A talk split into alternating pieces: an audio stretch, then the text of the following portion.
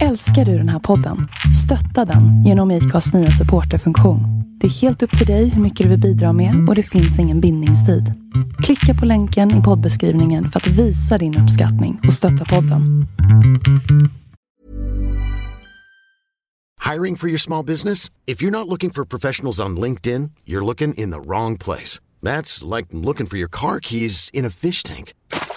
LinkedIn helps you hire professionals you can't find anywhere else, even those who aren't actively searching for a new job but might be open to the perfect role. In a given month, over 70% of LinkedIn users don't even visit other leading job sites. So start looking in the right place. With LinkedIn, you can hire professionals like a professional. Post your free job on linkedin.com slash achieve today. Ever catch yourself eating the same flavorless dinner three days in a row?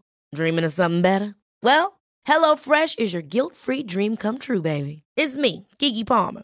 Let's wake up those taste buds with hot, juicy pecan-crusted chicken or garlic butter shrimp scampi. Mm. Hello Fresh. Stop dreaming of all the delicious possibilities and dig in at HelloFresh.com. Let's get this dinner party started.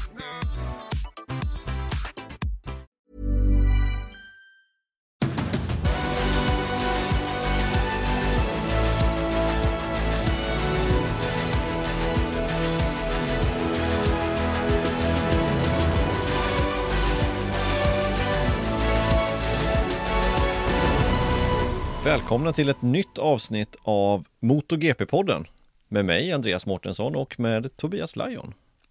Vad duktig du är att dra igång det här Andreas. Jag sitter här och bara gapar, det är fantastiskt. Ibland måste till och med jag lära mig det här. Tänk om du blir sjuk någon gång, Ja, vad gör vi då? då får du sitta och podda med dig själv. Ja, eller får jag ta in någon gäst, då ska jag ändå programleda så att det är dags att jag lär mig detta. Ja, jag tycker du är duktig. Vi gör ju det här tillsammans, det är då det blir bra. Känns det, så, så känns det för mig i alla fall. Oftast kommer vi fram till eh, vad vi tror i alla fall är bra slutsatser. Mm. Åtminstone i det här rummet. Det är skönt att få vara oemotsagd här. Exakt. Du, nu har vi bytt miljö igen. Vad säger du? Vi har, vi har ingen riktig sån här fast, eh, vi har ingen fast plats att, att göra det här jobbet på. Nej, nu känns det som att eh, helgen ska dra igång för vi sitter i våran eh, kommentatorsbox faktiskt. Och eh, den här podden kommer ju komma ut senare egentligen. Den ju egentligen vara ute vid det här laget den här veckan. Men det kommer bli av olika anledningar så kommer den komma ut lite senare. Men den kommer komma ut i alla fall. Men det är ju ingen MotoGP i helgen. Nej. Utan det är ju speedway vi sitter och väntar på. Det är det vi väntar på, på olika håll av skärmen dessutom. Jag ska snacka i micken och du ska ratta. Är det inte så? Ja, jo, jag ska ratta bakom kulisserna när det gäller speedway-sändningen idag. Får se hur det går. Mm. Men det känns, jag, jag blir ofta, nu har det ju varit tre raka racehelger, jag, jag känner mig ofta rätt eh, mätt direkt efter söndagen där. Det får ta något dygn eller två innan man eh, kan samla tankarna och tänka tillbaka på det som hände. Och nu har det i och för sig gått en hel vecka men eh, det, det, det finns ju en del att snacka om efter racet i Barcelona, det tycker jag. Jag tycker det finns eh, massor att prata om. Eh, först innan vi gör det så tycker jag vi återigen ska tacka de som stödjer den här podden. För det är ett gäng som gör det ganska regelbundet. Jag ser ju också ett litet meddelande på de som stödjer oss. Alltid roligt att läsa. Jag ska inte outa någon som kanske inte vill bli outad, men eh, stort tack till alla. Vill man så kan man också stödja oss via Patreon nu. Öppnat ett sånt konto också. Tänkte vi skulle släppa lite extra material vart det lider. Så patreon.com MotoGP-podden tror jag vi heter. Det låter jättebra tycker jag. Jag är också tacksam och, och roligt att höra och jag tror jag nämnde det antingen i sändning eller under senaste podden här. Jag som inte är så eh, het på sociala medier. Jag träffade ju en- en, en person live som eh, berömde och skulle det vara så att just den personen stödjer det här så vet jag att han eh, ibland lyssnar lite på övertid eller tittar lite på övertid. Det, det tror jag att det är ganska vanligt att man kanske inte berättar hur mycket tid man lägger på det här. Det ska Jag- man kanske inte göra. Jag får vara ganska transparent. Jag, jag har ju mina sändningstider utlagda men det är mycket tid. Det är, ska man följa det här mycket då är det ju många timmar varje helg. Ja det är det. Och det är mycket emellan också. Som Ja. man måste läsa. Japp.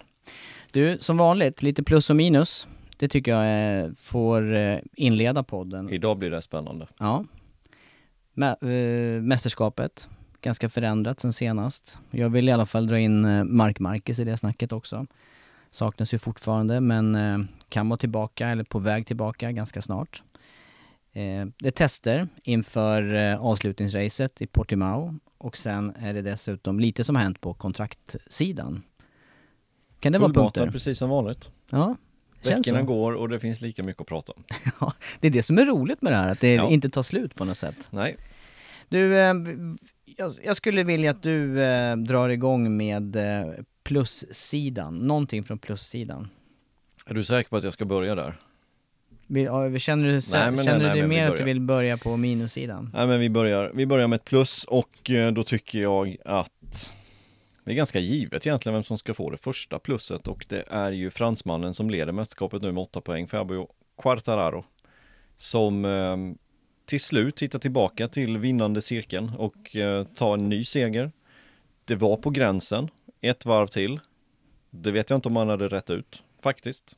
Nej, jag gillade hur du höll koll på varvtiden där på slutet utav racet där. De, eh, de eh, eh, höjdes ganska rejält. Det gjorde de.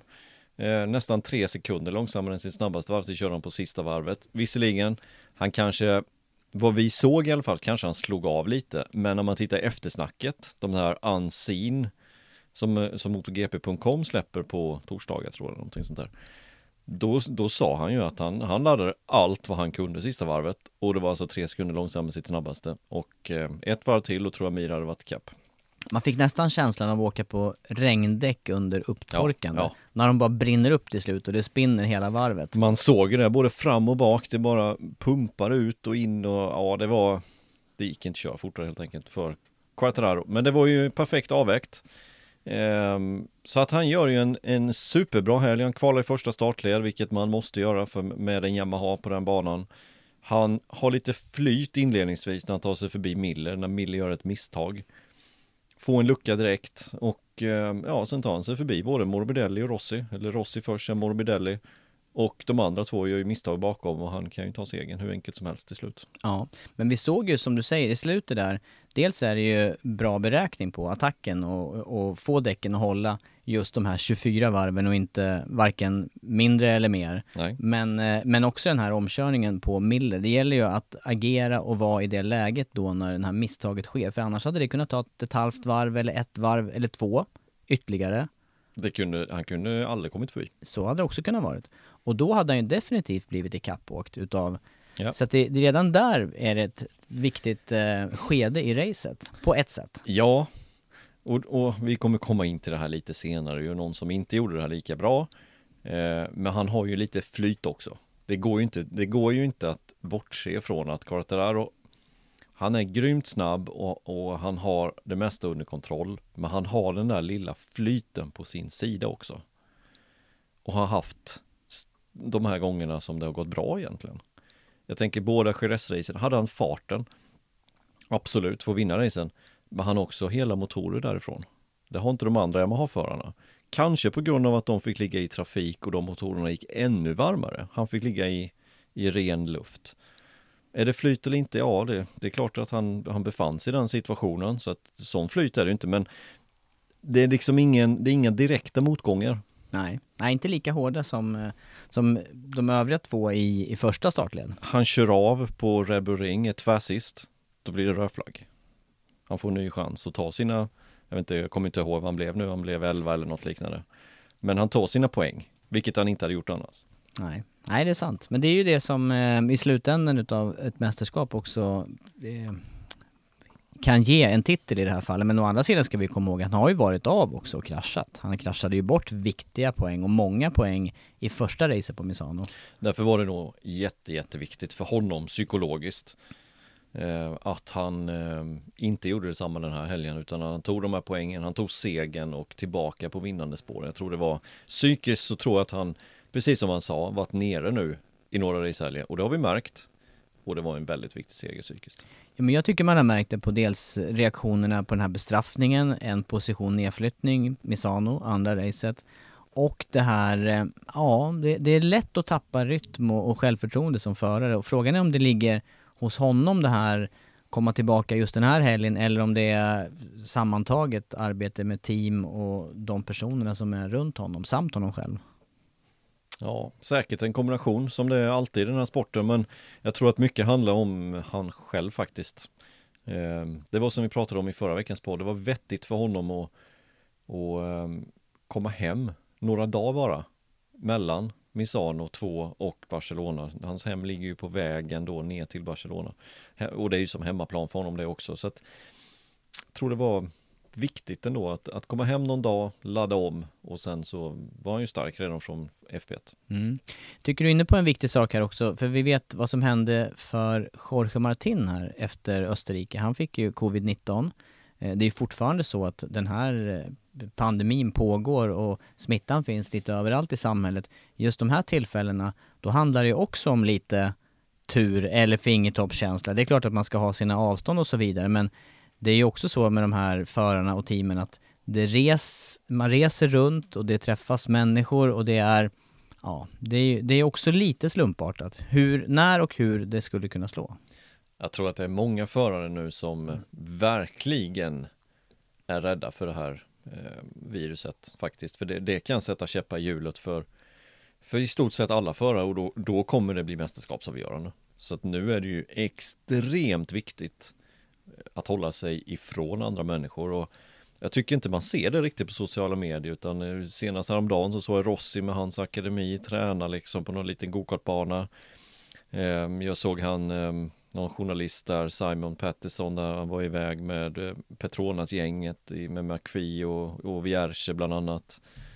Miller var väl inblandad där också. De, de träffas ändå i, visst är det depån och folk därifrån och då än så länge är det väl lugnt då men ändå känns det som att Det är ja. inte kassaskåpssäkert? Nej, inte, nej, exakt så nej. känner jag också. Nej. Hade jag varit i den här sitsen som en utmanare om mästerskapssegen i år, då hade man ju liksom, ja man hade ju varit superrädd liksom för att få det här, för det, det då är mästerskapet över. Man hade ju kanske blivit sån, de kanske skulle dra lärdom av de här svenska längdskidåkarna som hyr en liten stuga uppe i någon eh, vinter knappt en vinterort men där det finns snö och sen bara isolerar sig och tränar ja, och ja. håller sig där. Därför är det inte bra med den här lediga helgen heller tror jag. Av den anledningen inte. Och sen nu är det början på oktober visserligen, vädret börjar väl svikta lite grann då i, i Medelhavet eller Italien, Spanien men, men fortfarande ganska bekagligt för, ja, för folk att vistas ute. Så ja, det är man får sådana här visir som Maradona hade så ja. Det var heltäckande visir. Såg ut som en gammal sån här skoterhjälm som man har i Spanien. Sån. kör, kör med sån här, uh, Lorenzo får plocka fram den här uh, astronautstuket igen, ja, exakt. riktigt stor. Ja. Eller någon gammal dykar, dykarhjälm. Men du, det här med Quartararos då insats och, och däcken som vi säger som ändå blir kritiska i slutet på racet. Är det han själv, eller är det teamet, eller hur går, hur går den eh, kommunikationen till under ett race där, för det var ju verkligen på gränsen, gränsen. Du menar kommunikationen mycket som är kvar av däcken eller? Ja, och är det, ja, är det, nej, enbart, men... är det enbart föraren som sköter det här eller ja. är det ett samarbete under helgen som teamet ligger bakom? Nej men alltså absolut ett samarbete under helgen när man helt enkelt har en strategi, man vet när däcken ska börja gå av, då har man säkerligen då en en eh, andra mappar som man ska använda som är kanske lite mer aggressiva i vissa lägen och sen har man lite mer mildare i andra lägen. Eh, för att spara däcken och sen måste ju Quattararo köra eller föraren måste ju köra på ett sånt sätt så man inte utnyttjar hela däcket redan från början. Eh, mycket av det handlar ju om, om utgångar på kurvorna, att man inte lägger på gas så tidigt utan man gör det just när det är kritiskt för att eh, få med sig varvtiden eller om man behöver köra om någon eller vad det kan vara för någonting. Så att, det, det, är mycket upp till föraren under racet men sen visste ju alla som körde på det mjuka och det gjorde ju egentligen alla förare men Yamaha-förarna visste att deras däck kommer gå av ordentligt eh, i slutet av racet och det, det, då är det ju bara att anpassa sig efter det. Sen att det blev just på det varvet det, det hade de säkert på känn att de, de sista varven kommer bli kritiska men det kommer bli det för alla. Och vi hörde ju Rossi säga det där innan han gick omkull eller när han hade gått omkull så så var ju han rädd för just Suzuki i och med att de har ju visat sig väldigt starka då i slutet av racet.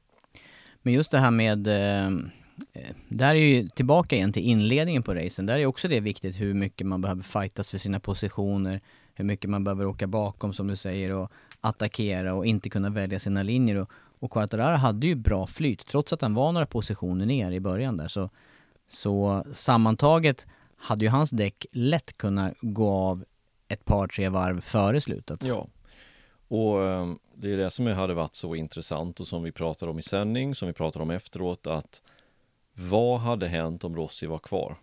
Då hade Quattararo troligtvis blivit mer hotad. Han hade fått ta i lite mer i mitten, slutet av racet. Hur hade däcken tagit det? Det kan mycket väl ha varit så att Rossi skulle kunnat på något sätt stressa sönder Quattararos bakdäck så att Suzuki hade kommit i fatt om. Det är inte kanske båda dem? Exakt, det är mm. inte alls omöjligt. Med Rossi kvar i racet så kanske Rossi hade blivit fyra Quattararo trea med två Suzuki framför. Inte alls omöjligt. Så att det hade varit väldigt, väldigt spännande att se vad som hade hänt om Rossi hade hållit sig på hjulen. Mm. Ja, det, det, den vurpan var tråkig och synd av, av just den anledningen som du säger här. Att den hade varit intressant att se fighten dem emellan och, och vad det hade lett till. Ja, ska vi räcka med plussa på Quartararo? Jag tycker vi byter spår och eh, går över på minussidan och där är ju känslan att det är ett stående namn som återkommer. I alla fall vill jag igen lägga in Vinales på minussidan. Han var ju faktiskt på plus förra veckan. Mm, vi hade ett undantag, det är väl det som bekräftar regeln. Jag önskar att han var oftare på plussidan för att det är en fantastiskt snabb och eh, duktig förare på mycket men, men eh, den svaghet som man visar igen här under racet i, i Barcelona, den jämfört med andra Yamaha-förare, då, då blir ju han lätt på minussidan. Tyvärr är det ju så. Och vet du, jag funderar på det här massa och anledningen till att jag har gjort det, ni har ju hört mina utläggningar om Vinales tidigare under säsongen som har varit ganska mastiga. kan jag tycka.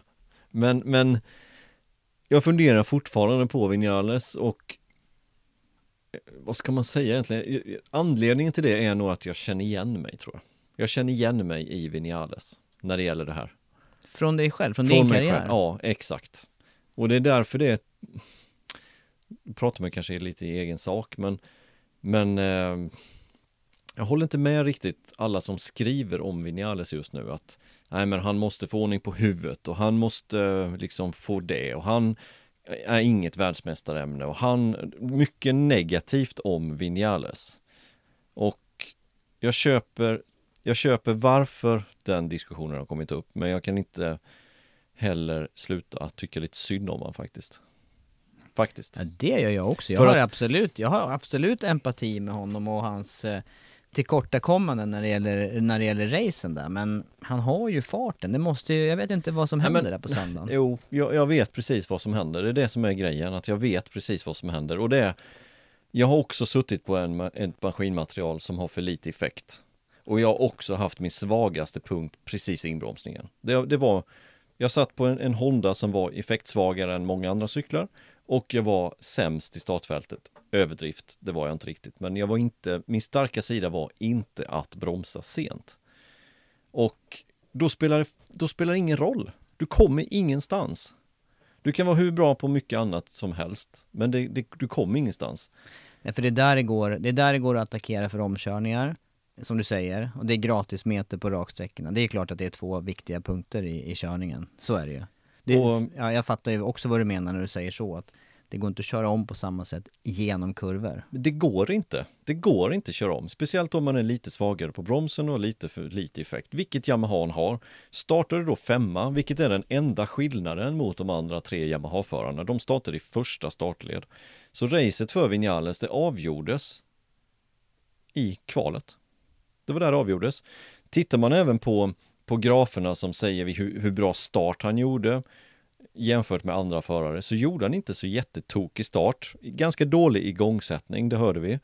Men sen sista metrarna så bara visslade det runt omkring ner till första kurvan. Vi var inne på det. Då blir man gärna lite defensiv och sen är han fast där. Han kommer ingenstans. Han kan köra hur fort som helst, hur snabb varv som helst. Men de framför gjorde inga misstag. Och det, var, det är precis det jag menar med att Quattararo hade lite flyt när han tog sig förbi Miller. För att ett, en, en annan förare som inte har gjort de här misstagen som Mille gjorde, Mille gjorde flera misstag under det här racet, då hade Quattararo varit fast där också. Ja, men den, här, den här beskrivningen som du gör i början där av racet på Vinales då när han, när han blir passerad av så många som man blir in mot första sväng och genom, genom första s och det här. Det är ju precis det som händer. Det, det, det går ju faktiskt att göra jämförelser i trafik också om man åker i storstäder i Europa där. Åker man lite snabbare än övriga, då väljer du ju själv spår, var du kör förbi och var du gör grejer. Men börjar det komma bilar och du, då tappar man ju helt rytmen i körningen. Helt, och det, det är det som händer för honom. Och han, han blir inte den, han tar inte kommandot i någon situation där. Från att han börjar bli omkörd så blir det... Men det är inte så lätt att göra det. Nej, nej. För han sitter Nej, på då- för 15-20 sent. hästar för lite. Men hur bromsar han in i första sväng då? Ja, men jag säger också det, bromsen är inte bra in i första sväng heller, men man blir defensiv på grund av att man har gjort en sån dålig start. Och sen blir han dessutom ganska rejält trängd av Alex Marquez som kommer på vinst och förlust på insidan. Ganska vårdslöst om man ska vara helt ärlig. Eh, vi, såg det, vi såg det när, eh, från Dovis kamera också, när han gick omkull med Sarko. Eh, det var nog Petrucci som pekade bak och då såg vi Alex Marquez kom där bara på insidan studsande. Så att, men han kom ju i den situationen på grund av att han inte kommer ner till första svängen ordentligt och blir defensiv. Men ja, det, är, det är så svårt där, man kan anklaga honom för mycket men jag tycker lite synd om honom faktiskt. Det måste jag säga. Finns det någon medicin för honom då? Kvala bättre. Kvala, kvala, kvala. Han måste kvala bättre. Och det, det som hade varit intressant att se, det hade, det hade ju varit en annan Yamaha-förare i Vinales läge där i femte startposition. Um, jag tror att de an, alla de andra tre hade gjort det lite bättre än Vinales, det tror jag. Men de hade inte varit med i palldiskussionen. Nej, det, Jag köper, tror inte nej, det. det köper jag också. Jag tror inte det. Jag, jag, inte på den här banan, för då, Nej. då, nej, och då, det var vi faktiskt inne på i sändningarna också under kvalet där, eller under, under helgen att det, med den där långa accelerationen ner till kurva ett, då, då är det ju, ah, vi hade ju nästan förutsett det här att Miller åtminstone skulle passera och, och övriga i andra, eller tredje startled också där det fyllde på med Ducati så, Quattraro i femte startruta, han hade inte vunnit racet. Jag tror inte det. På riktigt så tror jag inte det. Så att jag tycker han får lite för mycket kritik av att det inte står rätt till i huvudet på Vinales. Jag, jag tycker inte att det handlar om det i det här fallet. Det handlar om ett dåligt kval, för lite effekt och sen kanske en av svagheterna är ju att ta sig förbi. Det vet vi sedan innan. Inbromsningen att ta sig förbi är en svaghet åt, åt hos Vinales. Det är inget snack. Men jag tycker inte man ska dra för stora växlar av det det han har gjort till, till det här året, det är ju ändå den här inställningen emellan. Jag tycker han har haft mycket lättare att lyfta blicken och, och se vidare efter de här motgångarna som ändå varit ganska många. Så att där, där är det ju en förändring och förbättring förhoppningsvis. Ja, det är det. Som inte bara är ett spel utan att det är Det är en förändring. genuint. Ja, det är en, det är en förändring. Han ser ut att ha lite roligare i, eh, i arbetet med att köra MotoGP-cykel. Om- Ja. För det är ju ett arbete för de här. Ja. Men som sagt, just, just när man är svag i inbromsningarna och för lite effekt. Du sitter i en rävsax. Du sitter i en riktig rävsax gör du. När det, när det är på det sättet. Och det kan ju vara, vi pratade om det förra året också just med, med Vinales, att han väljer kanske att ställa in cykeln på ett visst sätt som gör att han inte heller blir starkare i inbromsningen. Men å andra sidan, då får han med sig varvtiden om man ställer in det på det sättet. Gör han inte det, då får han inte heller med sig varvtiden och då är man inte med på det sättet. Så att det är en sån där moment 22 det där. Du måste ställa in cykeln på ett visst sätt som du trivs med för varvtiden. Och nu är det så extremt jämnt. Så att det är inte lätt. Nej, det låter som, eh, tillbaka till kvalet då, att där måste det ske för honom. Då måste han vara med i, i första startled. Det måste han vara. Han måste vara i första startled. Just när man har svagheten i inbromsningar, då måste man vara i första startled. I alla fall som Yamaha-förare. Känns det som, eh, ja, jag, jag känner mig färdig med Vinales för stunden. Det, nu har vi i alla fall inte, den, den här gången tycker jag att, eh, om, jag får, om man får ge en egen reflektion, nu, nu tycker inte jag att du sågar honom på samma sätt. Nej, Nej, jag, såg, här- jag sågar inte honom. Jag ger en förklaring och jag sågar egentligen de som sågar honom. Det här är ju positivt för Ja. Vinales. Det låter Ja. som att eh, det är lite försvar ändå. Det är lite försvarande av honom för jag har läst alldeles för mycket skit om honom senaste veckan, tycker ja. jag. Ja. som man inte riktigt är förtjänt av. Sen håller jag med om att för en, en, en kandidat för mästerskapet kan inte prestera så här dåligt. Absolut. Men jag tycker han har fått lite väl mycket skit. Ska vi ta något mer på minussidan innan vi vänder Kör, över? kör. Ja, jag skulle vilja placera V4 den här helgen på minussidan. För det, de hade inte, de hade inte muskler att utmana någon V4. Och då är ändå, det är ändå de cyklarna som är snabba, toppfartsmässigt, eh, bra under bromsningar, men eh, någonting är det som inte, som gör att inte de står racedistansen ut, eller står emot eh, radfyrorna i det här loppet. Ja, de, de gör inte det överhuvudtaget. Topp fyra är radfyror. Eh, nästa radfyra är precis som vi pratade om, Vinales då på en nionde. Eh, och den sista radfyran var i Sandfållan. Eh, så att topp fyra och nionde, det var verkligen radfyrornas helg. Och mycket kan vi ju skriva upp att det har med bakdäcket att göra. Absolut. Livslängden på bakdäcket eller? Eller Hur det du? fungerar. Eh, V4 verkar ha stora problem, precis som då vi beskriver inbromsningarna in i svängen. Eh, på ett helt annat sätt än vad, än vad radfyrorna har, för de kan istället dra nytta av det extra fästet som finns. Som de kan utnyttja då i kurvhastighet istället. Jag, jag, alltså nu, nu, min karriär var ju långt tillbaka, men jag använde rätt mycket bakbroms inledningsvis. Eh, jag kör fortfarande mycket på is och där styr man rätt mycket med bakhjulet. Eh, det, det, problemet med Ducati till exempel, det verkar ju vara att man inte får runt cykeln tillräckligt väl och då måste man ju ha ett det här blir ju väldigt, det blir ju amatörmässigt jämfört med MotoGP-förarna men, men känslan är att man vill liksom kunna vrida till cykeln mitt i sväng där för att få en rakare utgång och kunna börja accelerera. Och det är därför man även har de här tumbromsarna och det man men, men så, som jag har förstått så är det ju, tillåter ju inte som du säger det här nya bakdäcket den, det är lite för bra fäste i det och då Ja. pushar det ju kanske framhjulet istället. Och jag får en känsla av att det är lite tidigare än så, vad du beskriver nu. Lite tidigare kommer problemet, redan i när du liksom ska in i svängen. Eh, Det du pratar om att man lägger på bakbroms ut ur svängen eller mitt i svängen, det är ju för att förbereda utgången. Men jag tror att detta sker lite tidigare, att det är för bra fäste, pusha framänden. Jättesvårt beskrivet. Vi, Men där har man ju också en, en, av, en av de få grejer som fortfarande är manuella på motorcyklarna som är helt styrda av, av föraren och det är just den här bromsningen. Det, det är just det här med framhjulssläpp, den är ju fortfarande upp till var och en och känslan att rädda. Ja, ja, ja. Och där har man ju en, det är en förare som sticker ut med det, det är Mark Marquez. Och övriga kraschar, man kraschar ju ofta med framhjulssläpp. Ja. Och därför har det ju varit så när du, när du nämner Marcus nu, det har det varit kul att se hur Marcus hade hanterat det här. Eh, vi har ju bara sett honom i nästan ett helt race och Där var han ju överlägsen, ja, fartmässigt. ja, och han sitter på en V4.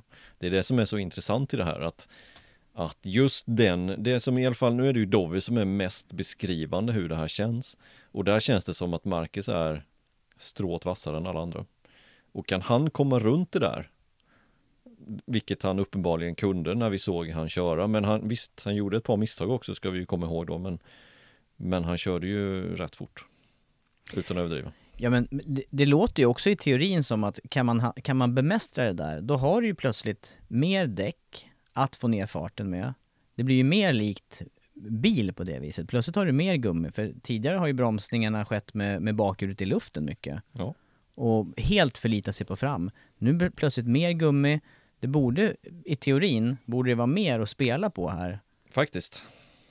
Från, från fäste till krasch är jag ute efter nu. Ja. Ja, Men, Och, ehm, men det, är, det är en intressant utveckling ändå. Eh, det- och och, och vad, vad många förare ändå som det har ställts på ända. Och det, det går ju även i, till Moto 2, då handlar det om framdäcken. Men den här ändrade känslan är ju... Bara i däcken ja. Det blir jättestor skillnad i däcken. Och det, det, det bevisar också hur jämnt det här mästerskapet är. Just att det kan se ut på det här sättet. Att en, en sån är ändå, det är en stor förändring visserligen, men ändå en, en liten förändring vill jag ändå säga att det är. Stor förändring, men ändå en det är en komponent bara, Ja. på något vis. Och det Bara. får, det får det här att bli helt annorlunda egentligen, resultatmässigt. Eh, sen får vi se, det kommer inte vara på alla banor såklart, men den här banan så passade det radfyrorna väldigt, väldigt bra. Men totalt sett då, V4 eh, kontra rad 4. Går det att säga någonting om säsongen som helhet? Fördel, nackdel för någon utav eh, motortyperna? Nej, det gör det inte. Det beror på bana, det beror på temperatur. Eh, vi hörde KTM och Polysparger och gnällde rätt mycket på att det var för låga temperaturer, vilket inte funkade för KTM och det är en av anledningarna till att han hamnade i samfållan. Så att det, det, nej, det gör det egentligen inte. Men det finns ju rätt många banor där radfyran borde gå bra. Kan man tycka. Valencia borde gå väldigt, väldigt bra. Eh, Portimao finns ingen anledning, det det är långa raka möjligtvis då. Le Mans nu i helgen, nästa helg. Varför skulle inte det kunna gå bra för en radfyra? Så att det, det Sen är det, sen är det bara gång kvar egentligen. Men det, det, att det hamnar på minussidan här för mig, det är ju att det, här blir det så tydligt och man... Jag tänker utifrån att eh, det skulle ju vara... skulle jag konstruera en motorcykel så skulle jag vilja ha den fungera så brett som möjligt naturligtvis i ett sånt här mästerskap. Och eh, en sån här helg som var, då blir det ju tydligt att nej, det här, det här funkade inte. I alla fall inte ihop med, med eh, de däck som är just nu. Nej, och frågan är om de kommer lära sig V4. Eh, om Ducati, Honda framförallt då kommer lära sig att hantera de här däcken. KTM. Du tänker generellt hela föruppsättningen och... Ja, men jag, jag, jag, menar att om fabrikaten kommer lära sig att köra med det här bakdäcket eller om vi kommer se de här stora skillnaderna som vi ser, fyra, alltså fyra radfyror, topp fyra. Eh, det finns bara sex stycken ska vi komma ihåg. Så det är inte så att de är jätte... Kryllar inte av Nej, det kryllar inte av dem. Ehm, eller om, om, om V4 kommer komma i fatt. Jag tror att de kommer göra det.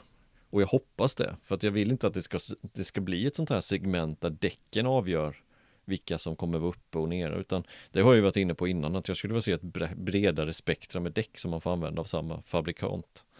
Att man kanske har tio däck. Du får välja vilket däck du vill. Varsågod. Så att de här tre blandningarna som kommer med till varje helg, det är istället då tio olika blandningar? Ja. ja men från Michelin allting? Exakt. Men då måste man kanske då välja då dem i, i tid liksom några veckor innan så man inte släpar med sig 7000 däck. Det gör de ju nästan ändå. Ja, men, ja dra inte till med för låg siffra. Nej, exakt. 10 000. Nej, jag vet inte, men det, det, är rätt mycket däck de gör åt. Men, men eh, ja, det hade jag nog velat se egentligen faktiskt. Ja. Jo, och sen blir det ju de här eh, just däckhårdheterna där, de är ju, det är subjektivt på något vis. Ja. De är ju relaterade till varandra bara. Det är inte, vi har ju inte de fasta beteckningarna på dem. Och det är någonting som vi måste försöka komma åt, för det är någonting som är intressant. Och vi hörde en intervju med Marcus, Mark Marcus för någon vecka sedan och då sa ju han direkt när däcklistan kommer, då skickar Alex Marquez screenshot på den till Mark Marquez och så kan Mark Marquez då komma med lite tips och input hur de här däcken fungerar och sådär. Och då, då, märker man ju direkt att det här är inte bara soft, medium, hard man har att välja på. Det, det visste vi från innan också, men man vet exakt vad det här däcket går för, hur nära varandra de ligger, vilken konstruktion, vilken stomme det är, vilken gummiblandning det är, var den är sitt starka, vilken temperatur de fungerar respektive inte fungerar. Det är så extremt många parametrar som vi inte har en aning om. Vi ser bara att de åker på mjukt eller medium, det säger inte någonting egentligen. Nej. Nej, det, det får bli nästa utvecklingsområde här när... Vi har många när... regelförändringar som MotoGP-podden vill komma med här. Ja, visst. Det är bra ju. Det är det som är skönt på avstånd. Man kan ju bara Exakt. sitta och spåna i det här. Exakt. Vill du bryta in med något plus, Andreas? Eh, ja, det vill jag. Och eh, då vill jag hylla ett märke som eh, inte har varit med sina båda cyklar på pallen sedan Le Mans 2007. Då var det Hopkins som kom på pallen. Det var Fermulen som vann och det är Suzuki vi pratar om. Och vissa som lyssnar känner knappt igen namnen. John Hopper Hopkins. Ja, han ser vi, honom ser vi i depån i alla fall. Han är ju eh, coach till eh, Joe Roberts. Ja. Mm, I Moto 2 då. Och eh, Chris Vermulen såg vi både köra MotoGP och Supersport 600 och Superbike och Han ser vi ju normalt sett också i depån för han är ju för, är det för Fox Australia? Ja det är ett australiensiskt eh, TV bolag. Ja, hoppas jag säger rätt där. Austra australiskt, australiensiskt. Aus Den där är svår. Nej, nej, Australier heter det.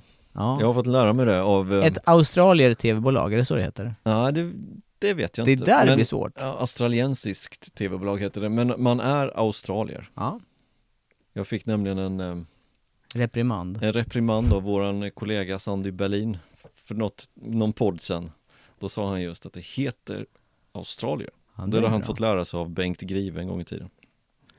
Vad heter det om man kommer från Elfenbenskusten? Ja, jag vet, du brukar ju dra den. Du kan få, du kan få fortsätta briljera med den. ja, men den är ju svårare. Ivorian. Men det är ju, det är ju elfenben där, ivory. Hur som helst, det var långt ifrån ämnet. Det var det faktiskt. Ja, det var det. Men det är svårt. Jag, eh, det vad vi var inne på var ju Suzuki. Det var bara, jag har bara en fråga här. Har du kört en Suzuki någon gång? Eh, ja, det har jag gjort. Jag har kört en GSX R 750 och en GSX R1000. Gixxer kallad. Det har jag. Jag, jag nästan ja. så var inne på att du inte hade gjort det ens. Jo, det har jag faktiskt. Jag har kört endurance med dem, med de cyklarna. Det är det enda som jag har tävlat med dem. Vad tyckte du jämfört med Bladen då? Um, gick det att säga någonting där? Var det så nära i tid att du gick att säga något? Ja, det gjorde det väl. Nej, men den var ju, den svängde ju inte alls lika bra, suckan. som Hondan.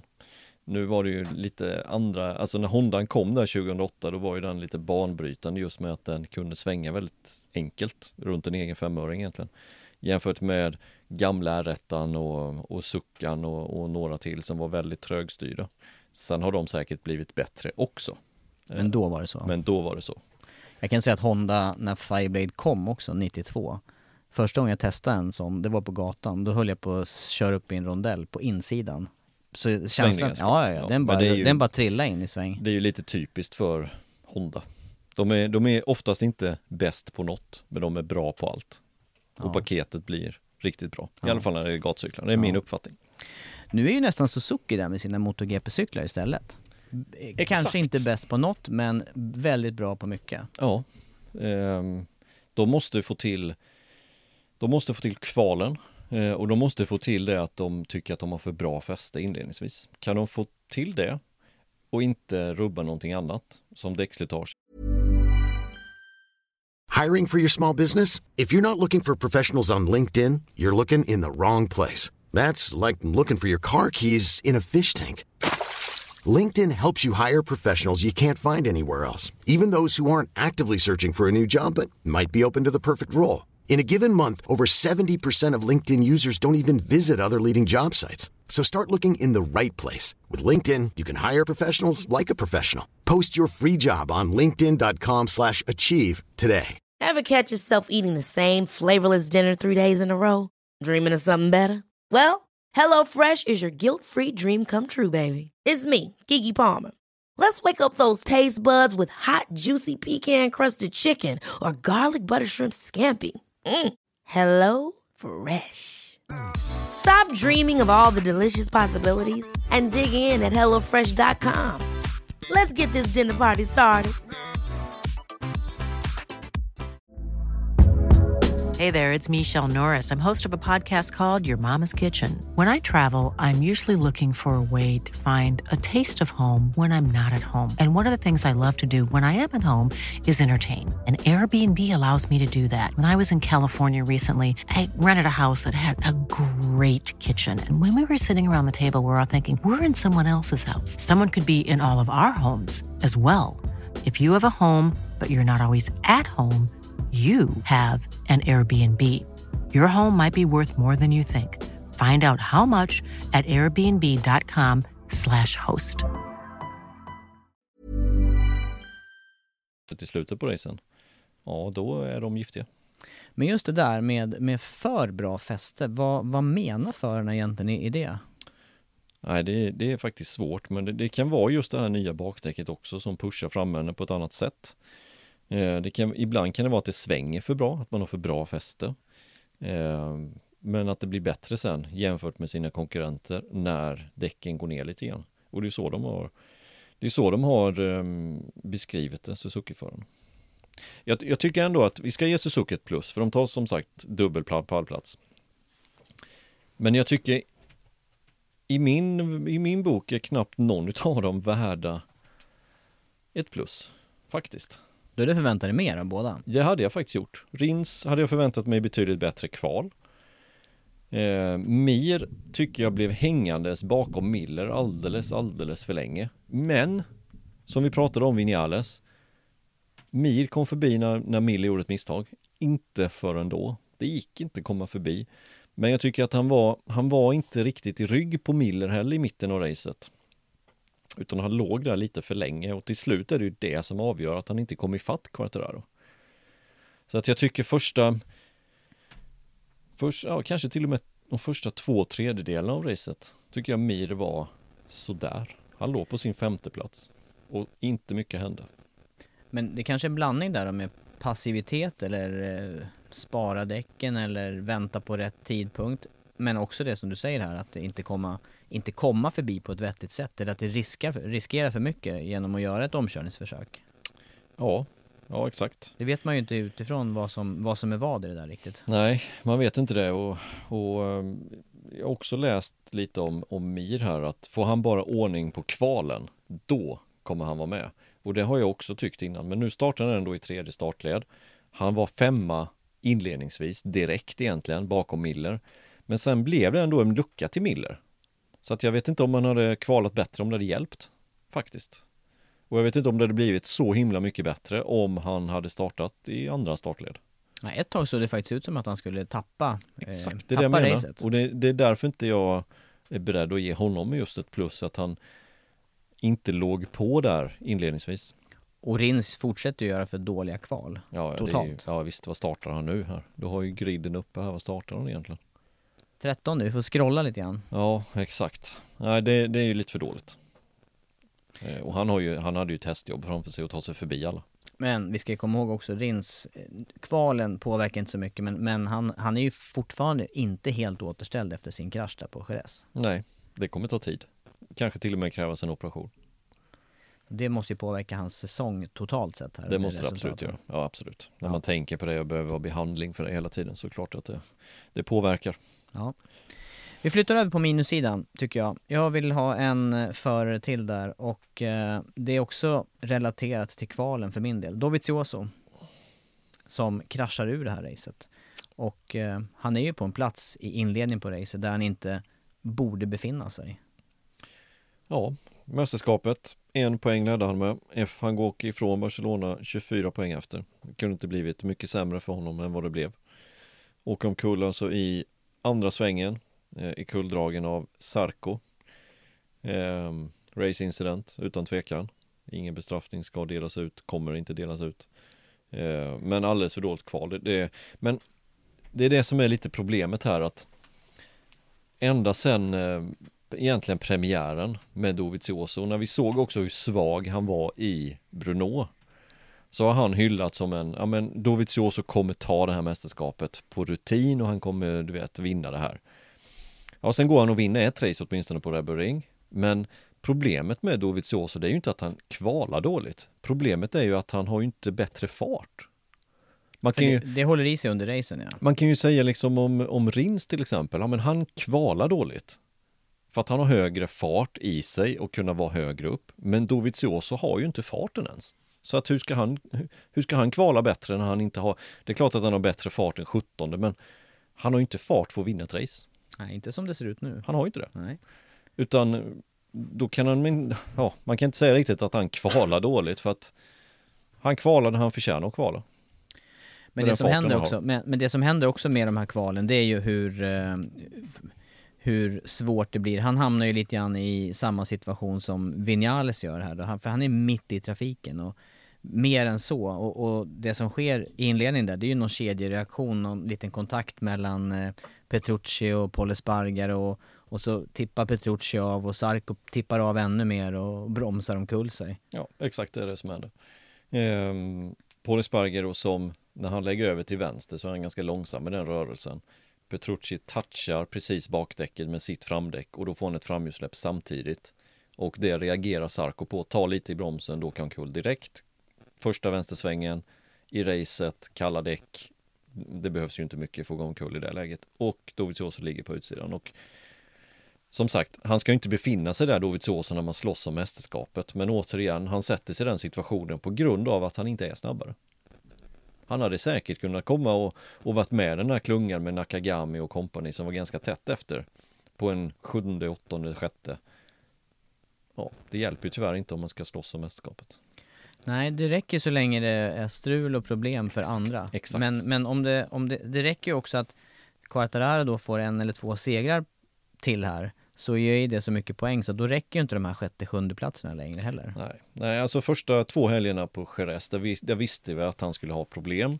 Men sen tycker jag vi började inse att det här kommer inte bli Dovis år när han presterade så dåligt på Bruno. Sen vann han visserligen ett race då på Red Bull Ring.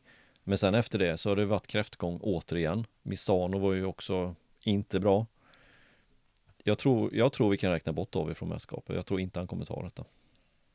För, för att han har inte farten. Nej, och det kanske det var, nu, kan, nu blev det tydligt också med krasch, det blir, då blir det tydligt poängtapp. Men sannolikt så hade det här poängtappet blivit successivt, eller han hade tappat mer och mer poäng till, till täten. Quattararo har väl också en nolla. Ja, stämmer. Japp. Japp, där har vi det. Nej Minus. men eh, alltså Hände inte något väldigt oförutsett att han helt plötsligt kommer till en helg och det bara fungerar eh, Eller att eh, Quattararo åker på covid-19 och Vinales, ja, du vet, vad som helst kan ju hända med skapet. Men om, om det inte händer sådana exceptionella saker, då tror jag vi kan räkna bort Dovi. Ja. Ja, vi släpper Dovi och eh, en pluspunkt kvar. Vill Kör. du eller jag köra? Ja men kör du. Jag, jag tänker eh, att, eh, eller mi- mitt bestående, min bestående känsla det är ju att racet eh, är superspännande hela vägen in till mål och mycket hänger ihop med att Mir håller på att jaga kapp här i slutet och även Rins kommer ju starkt. Men de här, eh, vi har snackat om de här graferna när, när däcken går av eller de, att Suzuki kommer starkt på slutet. Det är fortfarande väldigt mycket eh, svårföruts, svårförutsedda, o, vad säger man? Oförutsedda eh, händelser som Och svårt att förutse. Svår, exakt, tack för hjälpen. som gör att det blir, jag tycker det är spännande race, det är dit jag vill komma. Ja, det är väldigt spännande. Det var eh, visst så här i efterhand så Ja, att båda Suzukierna skulle komma på pallen. Vi, vi, du hade ju faktiskt tippat både ettan och tvåan korrekt, i korrekt ordning till och med. Du hade ju Quartararo Mir etta tvåa. Jag hade Mir Quartararo etta tvåa, så vi, där låg vi ju ändå ganska Vi bra till bra vad vi, vad vi trodde. Men, men eh, sen så stod Morbidelli i pool. Han hade inte jag topp fem ens. Rossi var med högt uppe. Eh, så att det är ju väldigt oförutsedda race, alltså det, är- det går inte att säga oförutsägbara race är det. Ja, det är det. Eh, men, men det gör ju det, för, ja, det, det är ju också det som gör fortsatt intressant och roligt att följa det här Ja. mästerskapet. För mig är det mycket, mycket bättre nu än för, om vi backar tillbaka till 800-eran. Jag vill minnas att vi snackade om det här i förra podden. Jag vet inte, du var inte så nöjd efteråt där, tyckte inte att eh, det var tillräckligt tydligt klargjort vad som, för vi snackade om dubbelrace. Ja, och, då sa jag, nej men jag sa ju att jag inte ville se de dubbelracen för jag tycker andra racet brukar vara ganska statiskt, det händer inte så mycket. Eh, och förra veckan så hade jag ingen riktig, eh, jag hade ingen förklaring på varför det var så. Sen så lyssnade jag på mig själv i, ja, i Acast, som man kan lyssna på den här podden. och så lyssnade jag igenom första bitarna där och sen kom jag på, vad fan, jo men det här är ju ganska självklart varför det är så här, varför sa jag så för? Då hade jag inte tänkt klart då när vi spelade in, men nu har jag tänkt klart. Skönt. En Skönt. vecka senare. Ex, ja, det var, det var ju dagen sen- senare var det. Jag nämnde faktiskt detta under sändning också. FB1 eller 2 eller vad det var. Men anledningen till att det blir sådär när alla höjer sig, då blir det givetvis svårare att ta in den här tiden. Alla ligger på sitt max, gör inga misstag. Då blir det som vi såg i 800-eran, till exempel, när däcken var för bra och hojarna var för bra och förarna var för bra. Den som tog starten och ledde med en sekund första varvet, då blev det kanske 1,3 sekunder i mål. Och sen blev det så. För det var ingen som kunde ta in den här tiden. Och det ser vi ju inte längre. I alla fall inte om det bara är ett race, utan då blir det som däcken gav tre, sekund tre sekunder är ju det är ju två evigheter i de här sammanhangen. Ja det är det verkligen. Alltså det, du tappar ju då tre tiondelar per sväng, typ. Ja, det går ju att köra om hur lätt som helst om du kommer Hur bakifrån. lätt som helst. Hur lätt som helst. Och det droppet, eh, det är vi ju inte vana vid att se faktiskt. Det var exceptionellt den här gången. Det var det Men, verkligen. men det var också förutsett för att med de väderförutsättningar som var och den banan så blev det ju, det hade ju alla på känn inför Ja, helgen. för att däcken var nog lite för hårda som Michelin tog med sig. Varför? Det kan man fråga sig, men kan, de kanske är vana vid annan temperatur och tog med sig sådana däck som skulle passa i vanlig temperatur. Eller de hade ju givetvis förutsett att det skulle vara kallare, men kanske inte så här kallt. Och alla valde soft egentligen, med något undantag. Och eh, som vi såg så tog de ju slut också. Men eh, plussidan här för racen och raceutvecklingen då. Eh, det negativa i år, det har ju just varit då, eh, i alla fall enligt den här eh, spaningen, dubbelrace på samma bana. För då Ja, är man lite för, då är alla lite för bra. alla är lite för bra ja. Och gör lite för minst, mindre misstag, vet exakt hur däcken fungerar. Eh, och den som kvalar högst upp den är med i racen och sen händer inte så mycket mer. Men nu händer ju allting i söndags. Ja, nej, det får räcka tycker jag på plussidan där. Japp, Eh, bra reglemente. Det Ja, det måste är vi det. enas. Det är väldigt bra. Det finns väldigt vissa spännande. tekniska detaljer som vi vill ändra på men ja, i övrigt är det bra. Ja. Du, mästerskapet nu då. Det var precis som du sa där, en poäng som skilde bara inför Barcelona. Och eh, nu är det plötsligt mer uppsprucket poängmässigt i sammandraget. Det är ju det. Det hände ganska mycket där bara på, ehm, på ett race. Vi har alltså Quartararo som leder på 108 poäng före Mir som har gått upp på en andra plats då på 100. Det skiljer alltså 8 poäng. Sen är det ytterligare 10 poäng ner till Vinales. Vinales tappar alltså 18 poäng på ehm, Quartararo. Quattararo. Han tar ju 7 poäng, de låg ju på samma poäng då inför racet. Då vi tappar ner till 24 bakom och där har vi då de fyra förarna som är inom ett race. Det är alltså då vi då som är 24 bakom. Ja, och eh, ser vi nu det här eh, brottet då, eller ser vi nu plötsligt ett par förare utkristallisera sig som verkligen kan vara med och slåss om en titel här? Ja, jag, jag, jag tror det och som, som jag trodde ganska tidigt också att Quartararo ha det här mästerskapet.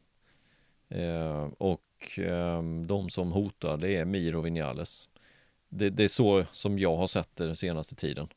Eh, sen kan Morbidelli kanske utmana. Dovi har vi redan varit inne på vad vi tror där. Att jag tror inte han har speeden för att kunna göra det. Eh, utan jag tror att det är de topp tre nu. De, de kommer göra upp om det till slut. Eh, Quartararo där utan det där misstaget i Misano 1. Han hade haft det här läget under stark kontroll. Mm. Och då har vi sett att han är, då han, han är ju så pass snabb och stark så att då kan han ju kontrollera det här mästerskapet. Och han gör ju normalt sett aldrig misstag. Han åker aldrig omkull. Nej, det är en stor... Det är en stor, och han tar ju vara på däcken och det såg vi ju. Morbidelli klarade ju inte att hålla sin andra plats utan han droppade ju ännu mer än vad Quattararo gör. Och så har han det där lilla flytet på sin sida också. Ja. Eh, det här är ett mästerskap i år som, eh, som tog en ganska dramatisk vändning. Eh, stor favorit och flerfaldig världsmästare Mark Marquez går av då i slutet på första racet eh, för säsongen och, och skadar sig så allvarligt så att han fortfarande håller på att rehabilitera den här skadan. Men det här, eh, fram till nu då i alla fall, så har ju det gjort att, att det har varit precis så här öppet så att man, det har, det har kunnat gått åt vilken riktning som helst, även om i bakhuvudet, jag har också haft Quartararo som ett väldigt starkt namn redan från egentligen slutet på förra året. Eh, men nu då med, eh, eh vad skulle jag komma till? Jo, jag tänker på, vad, vad är nuläget för, för Mark Marquez? Ja, han visade sig i depån. Första intervjuerna som eh, han gör sen andra skadan egentligen då, det gjorde han ju på torsdagen. Eh, jag tycker det ser ganska ledigt ut i hans arm där och ryktena går att han till och med vill vara med nästa helg i Le Mans. Kanske det, det, skulle faktiskt inte förvåna mig om, man, om det kommer en pressrelease på måndag att Marcus set to be ready for Le Mans. Det är inte helt omöjligt. Vad har han själv då att vinna på att komma tillbaka?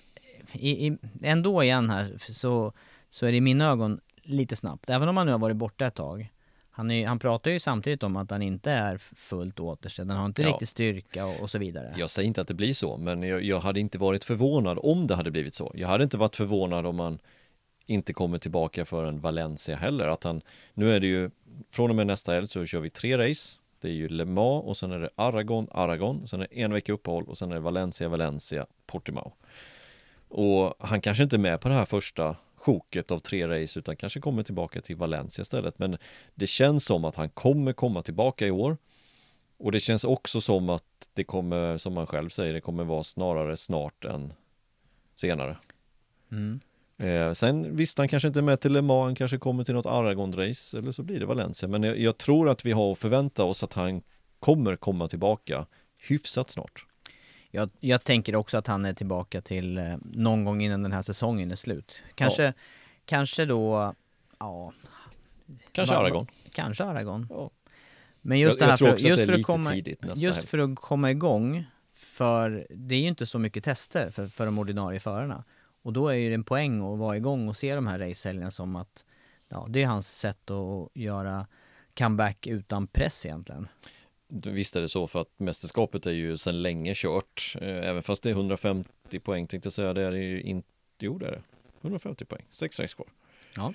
150 poäng kvar att köra om. 108 poäng har Quattararo. Så att det är klart att det teoretiskt är möjligt. Men i praktiken är det ju inte möjligt. Han kommer ju inte vinna mästerskapet. Så enkelt är det ju. Eh, men jag tror anledningen till att han vill komma tillbaka. Det handlar ju om att han vill vara väl förberedd till nästkommande säsong. Det är ju det det handlar om. Eh, och han har ju själv sett hur det går för Honda just nu. Han har inte testat så mycket med det här nya bakdäcket. Han vet inte var han står någonstans förutom i Jerez. Ehm, så att det är klart att han vill komma tillbaka så fort som möjligt, hjälpa Honda, hjälpa utvecklingen så att han är redo nästa år. Det är, det är ju det det handlar om alltihopa och kan han komma tillbaka tidigare då får han flera isäljer, flera isäljer att kunna han kanske känner någonting att ja, men jag behöver en ny sån eller vi behöver göra den här förändringen och då tar det ju alltid tid att få de här delarna. Det ska ju tillverkas och sen på med dem, testa dem, blir det bättre och göra den här utvecklingen av hojen som inte kommer finnas tid till sen. Och eh, Crutchlow skadad. Brader var borta något race. Förarmässigt så är de ju lite illa ute. Å andra sidan har ju Nakagami då faktiskt lyft sig ett hack, men han är ju fortfarande, det är svårt att utvärdera grejer fullt ut om man inte är där varje helg. Alltså i toppen. Ja, på ett sätt ja. På ett annat sätt så behöver man kanske inte, alltså det är klart att det är bra med en supersnabb testförare. Men det är inte så att de är långsamma de här förarna vi pratar om här. Det är inte, även fast Brad är sist eller du vet, han är inte han är trots allt en före detta världsmästare i motor 2 och åker lätt tre år på Karlskoga med en hand på styret. Så han är inte dålig. Han känner också skillnader på olika saker. Nakagami har faktiskt klivit upp till, han ligger sjua i sammandraget. Ja, han, har är... han har inte varit utanför topp 10 en gång i år. Jag är superimponerad av eh, Nakagami. Kan han få det att stämma lite, lite bättre bara? Ja, kvalet här nu senast. Han skulle kunna varit med med det som hände på slutet med däckslitaget. Han skulle kunna varit med om en pallplats. Absolut. Det är många som kan. Men, så det tror jag med Marcus. Han vill tillbaka så fort som möjligt få utvärdera var han mm. står någonstans. Och mästerskapet, eh, de här återstående sex helgerna då, eh, kanske ökad eh, differens mellan toppen och de som jagar. Det vill säga alltså från då Quartararo, Mir, Vinales och sen vidare neråt. Ja. Ja. Då tycker jag vi går in vidare bara lite kort på det här med, eh, vi snackar test här nu och utveckling och eh, något som blir intressant längre fram här, det är ju säsongsfinal i Portugal, Portimao och där väntar faktiskt ett test just innan Le Mans här. Det gör ju det. De ska dit eh, nästa vecka, eh, tisdag och onsdag så kommer det vara officiellt MotoGP-test för eh, MotoGP-testförarna. Eh, Lorenzo ska köra, eh, Pirro ska köra, Bradel ska köra, Smith ska köra, Quintoli ska köra. Har jag missat någon? Tove, ja, nej, jag tror jag, jag, lyssnade med tre kvarts öra, men jag ja. tyckte att du fick med märkena här. Jag tror det. Någon från varje märke. Någon från varje märke, ja. Mm. Eh, de ska testa både tisdag och onsdag. Onsdag så ska ehm, de ordinarie MotoGP-förarna testa på så kallade då Street Legal Spike. Eh, det vill säga då R1, ja, Ducati, V4. Dock inte för modifierat alltså? Som, Nej. som det råkade bli någon gång för en vinst, en vinst fransman. Ja exakt, nej då eh, får man bestraffning och det ska man undvika. Mm. Utan eh, Nej, de ska vara lite mer street legal helt enkelt. Den banan då i sig, Superbike har kört där ett antal år. Ja. Eh, och även Endurance har kört. Eh, yes. Men eh, bankaraktären där, någonting som förarna bör fundera på eller oroas över? Lång raksträcka. Det ska bli intressant att se hur radfyrorna klarar det. Ehm, återigen, blir det som i Barcelona att de kvalar som Vinales på en femte. Problem. Stora problem. Faktiskt. Men å andra sidan är det en raksträcka med en väldigt lång svepande böj innan där. Man har med sig bra fart ut. Eller tänker du just starten och inledningen på racet? Jag tänker starten och inledningen på racet. Men jag tänker också i och med att det går så fort ut på den raksträckan. Det vill säga att man uppnår topphastighet ganska snabbt. Och där har de sin svagaste punkt. Så att jag tror de kommer tappa mer på den raksträckan än i Barcelona. Eh, sen är ju frågan hur det tar sig de, det andra partiet och det är ju några partier där det är höger, vänster, ganska inbromsning under nedlägg och sådana saker där rad fyran kan vara betydligt bättre och upp och ner. Ganska rejäla nivåskillnader. Så jag tror allting förutom raksträckan kommer vara fördel Yamaha. Men jag tror de kommer få stora problem på raksträckan och framförallt fram till första svängen på första varvet. Ja, och, och du kanske, man kanske även kan lägga till Suzuki också då i det här? Eller är Yamaha aningen vassare? Ja, det är de. Men Yamaha är, Yamaha är aningen svagare när det gäller toppfart. Så hyfsat jämnt mellan Ja. radfyrorna igen då. Ja. Men, men, och de är en nivå högre troligtvis än V4orna. Ja, är ju- varvtidsmässigt. ja. Varvtidsmässigt tror jag det. Men sen är ju frågan vad som händer då i, i race. Men just av toppförarna då, vilka kommer att ta sig dit då? För det är ändå ett tajt schema. Man ska dit och köra. Jag vet att Dovizioso ska dit och köra. Ja, eh, Rossi eh, är han också anmäld nu. Jag såg däremot att Quattararo inte var anmäld. Eh, men jag tror det har med att göra att han tänker sig ett annat test där. Eh, så var Rossi i alla fall, för han var inte anmäld till att börja med till det här testet. För han sa att ja, men vi ska ändå dit med akademin och köra med VR46.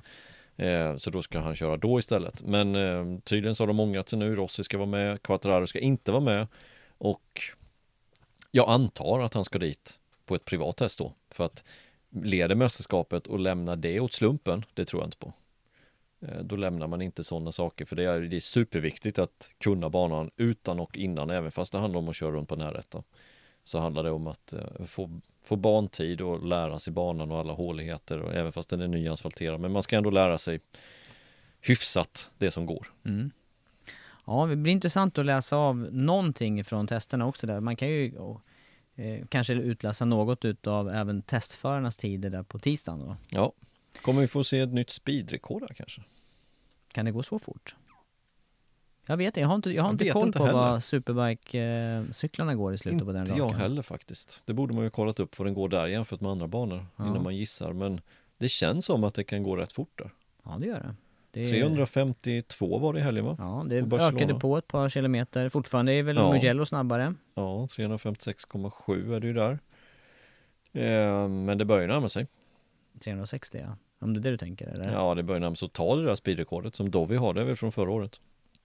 Ja, stämmer. Och på Mugello som är den vanligaste banan att köra så pass fort på. Det hade varit kul om det var någon annan bana ju. Ja, ja visst. Ja, vi får se lite mer nästa vecka då när, när testerna Mm. körs på Portimao. Sista punkten. Kontraktsidan. Hur står det till? Det har hänt en del under veckan. Ja, äntligen har det väl hänt lite grejer. Ehm, dels då i helgen när Rossi blev klar för Petronas. Ehm, så att det är ur världen så att säga. Och när vi ändå pratar om det lite, jag har hört ännu mer rykten om det där som stödjer den tesen jag hade förra veckan. Det här med eh, Suzuki i förlängningen eller MotoGP-team och Ja, Petronas, Suzuki och eh, VR46 Yamaha. Var kommer det ifrån? Är det något som du kan Ja, men det är eh, lite- bekräfta? Eller någonting som du kan släppa eller? Du... Olika källor. Intressant. som eh, har de, det, det kan vara egna funderingar också som, som det kommer ifrån men det ligger, ja, ja. Ju fler rykten som är desto närmare att det finns någon substans åtminstone. För Petronas har ett år kvar på sitt kontrakt med Yamaha. Exakt. Och sen vet vi samtidigt att Rossi, hans karriär är väl, den är inte för evigt. Även om det nu, han, han har förnyat för ett år eh, med Petronas. Eh, men i förlängningen, det, jag tror att den här eh, eh, Eh, steget upp till MotoGP för VR46-teamet har, har kanske bara gjort lite halt i väntan på att han ska sluta eller också kopplat då till den här pandemin som pågår. Ja, det vet jag inte i och för sig om det är pandemin riktigt som har gjort det men han har inte varit jätteintresserad av det innan men vi har ju hört rykten som och det har han bekräftat själv att förhandlingar om det pågår redan eller prat om det pågår. Och då är det ju vad, vad kan han ta med sig för märke då om man skulle köra och, och det som ligger närmast till hands är ju Yamaha, det är ju inget snack om den saken. Ehm, och eh, det kommer ut detaljer också, eller detaljer, men ryktena säger också att Morbidelli har inte tvåårskontrakt med Petronas utan det är ett plus ett. Vilket då också stöder tesen att som vi vet, Yamahas kontrakt med Petronas-teamet går ju ut efter nästkommande säsong. Och samtidigt så säger ryktena att Petronas inte är 100% nöjda med Yamaha. Vilket utifrån låter märkligt tycker jag med tanke Ja. på resultat, med tanke Absolut. på eh, Ja, jag, det är ju bara backa ett par år då med, med Tektroa-teamet och den backningen som de hade från Yamaha, då är det ju milsvid skillnad. ser, ser ut som utifrån i alla fall. Ja, men beror, beror inte det mycket på förarna? Ja, vi vet ju att Sarko gjorde starka resultat hos Och han hade ju fjolårsgrejer. Ja, Och det var ju Tektra ganska missnöjda med. Och, och skulle då Suzuki vilja ha ett satellitteam och välja Petronas så skulle ju Suzuki-teamets satellitteam bli väldigt högt upp i hierarkin där. Det kommer ju inte vara stora skillnader mellan satellitteamet och fabriksteamet. det blir lite som KTM har nu där. Exakt, för det är ju den vägen som man vill jobba på. Ja. Sen säger jag inte att Yamaha inte vill att det ska gå bra för, för Petronas, absolut inte, men jag tror att det finns en prislapp där. Som, som är problemet kanske. ja. I vilket fall, Ducati blev ju klar i veckan. Två stycken till och med. Två stycken ja. Ehm, precis som vi trodde. Banjaya upp i fabriksteamet. Ehm, Sarko kommer ta hans plats då i eh, Pramac Ducati. Och sen även Jorge Martin då att ta steget från motor 2 upp och ta Milles plats i Pramac Ducati. Så det blir Sarko och, och Martin i Pramac och Miller och Banjaya då i fabriksteamet. Vad hände för Avintia då? då? Ja, det vet man inte riktigt heller. Där går det starka rykten om att Leopard Racing i Motor 3 ska ta över de platserna redan till nästa år. Eh, vad som händer då? Bra fråga, men eh, då blir säkert inte Rabatt kvar. Rabatt som även nu har funderingar på att sluta, så att då är frågan Ja, ska det ske nu eller ska det ske sen? Det vet vi inte. Nej. Men tillbaka till de här två kontrakten som är skrivna då. Eh, vi, vi såg det komma. Eh, Banjaya, supersnabb. Eh, kommer tillbaka också efter skada och är, är fortsatt snabb. Och han var ju väldigt snabb till och med på Misano. Både med, med det här polvarvet som ströks och under racet, krasch från ledning. Men eh, också yngre förare. Vettigare för framtiden för Ducati, eller vad säger du där? tycker också framtiden ser väldigt ljus ut. De har ju Sarko då som är lite till åren som eh, kommer köra i Pramac. Unga förare i fabriksteamet. Ung förare i Martin. Ser bra ut. Ser ljust ut. Sen är ju frågan då vem ska leda det här utvecklingsarbetet? Å andra sidan så känns det som att de lyssnar inte på den som ska utveckla grejerna ändå. Så att, Det gör man fortfarande någonstans i, vid, fabriken. exakt. Man lyssnar inte på vad Stoner säger. Man lyssnar inte på vad Dovizioso säger. Och då är det bättre att ta de här yngre förarna kanske som inte har något Nej, att men jämföra exakt. med. Det är det jag menar. Ja. Varför inte? De kör med det som är. Och det är bra förare i hela bunten. Sen om de är världsmästare någon av dem, det får vi se. Mm. En utav dem är ju det åtminstone. Två utav dem, Banjaya också förresten. Ja, Banjaya och Martin. ja. Och Och Sarko, Sarko. har två titlar mot två. Ja. Så att, ja, Många världsmästare. Miller, tog han någon titel i nej, slutändan? han gjorde ju inte det. Nej, han gjorde inte det. Nej. Men du, det återstår bara egentligen en grej för mig och det är också bara att eh, summera de platser som är kvar då, för då är det plötsligt inte så många styrningar som är över i MotoGP. Det är LCR, där är inte bekräftat eh, vad som händer. Det Nakagami kommer ju med stor sannolikhet bli bekräftad där. och då blir det i så fall Nakagami, Alex Marquez där. Mm. Aprilia, vad händer med den styrningen? Ja, det vet vi inte. Ehm, jag tror de går och väntar lite på Iannone. Eh, det ska upp nu den 15 oktober, ska det upp i CAS. Och ehm, då är det ju både, det är två case där. Det ena caset är ju i Iannone som eh, är emot FIM, tycker att bestraffningen är fel.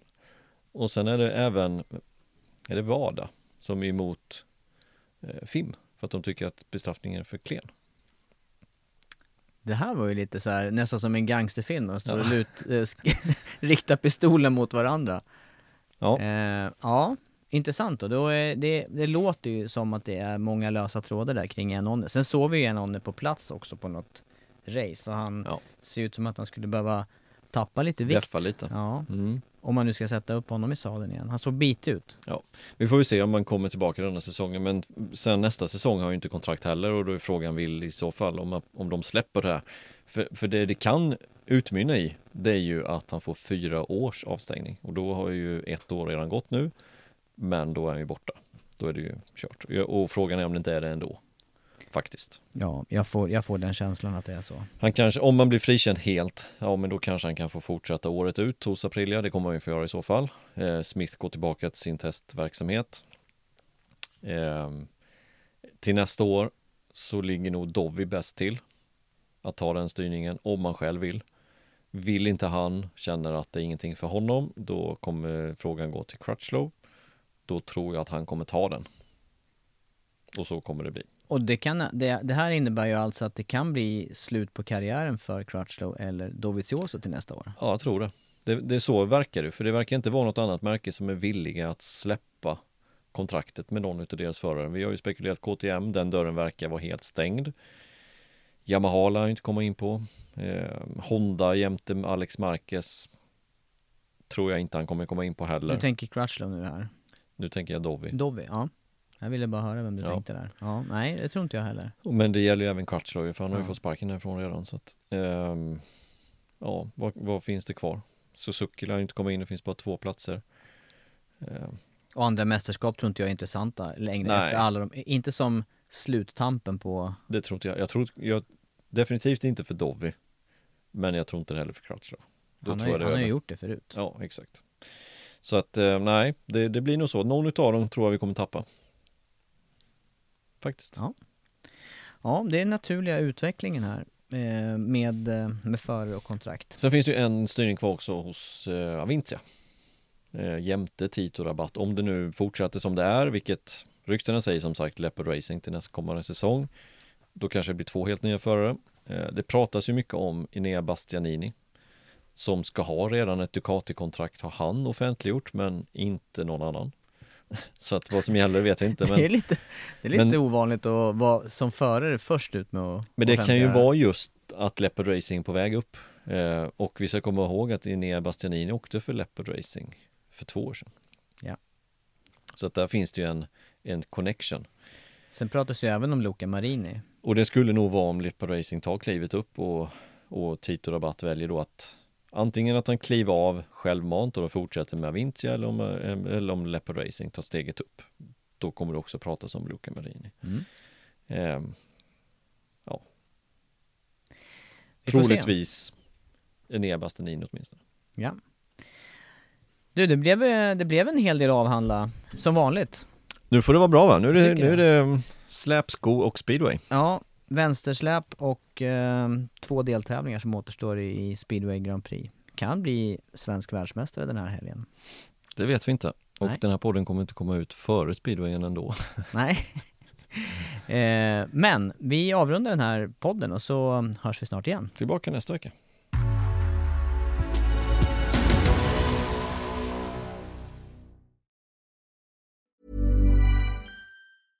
Imagine the softest sheets you've ever felt. Now imagine them getting even softer over time. That's what you'll feel with Bowl and Branch's organic cotton sheets. In a recent customer survey, 96% replied that Bowl and Branch sheets get softer with every wash. Start getting your best night's sleep in these sheets that get softer and softer for years to come. Try their sheets with a 30-night guarantee. Plus, get 15% off your first order at bowlandbranch.com. Code BUTTERY. Exclusions apply. See site for details. Hi, I'm Daniel, founder of Pretty Litter. Did you know cats tend to hide symptoms of sickness and pain? I learned this the hard way after losing my cat, Gingy. So I created Pretty Litter, a health monitoring litter that helps detect early signs of illness by changing colors, saving you money and potentially your cat's life. Pretty Litter is veterinarian developed, and it's the easiest way to keep tabs on your fur baby's health right at home. Go to prettylitter.com and use code ACAST for 20% off your first order and a free cat toy. Terms and conditions apply. See site for details.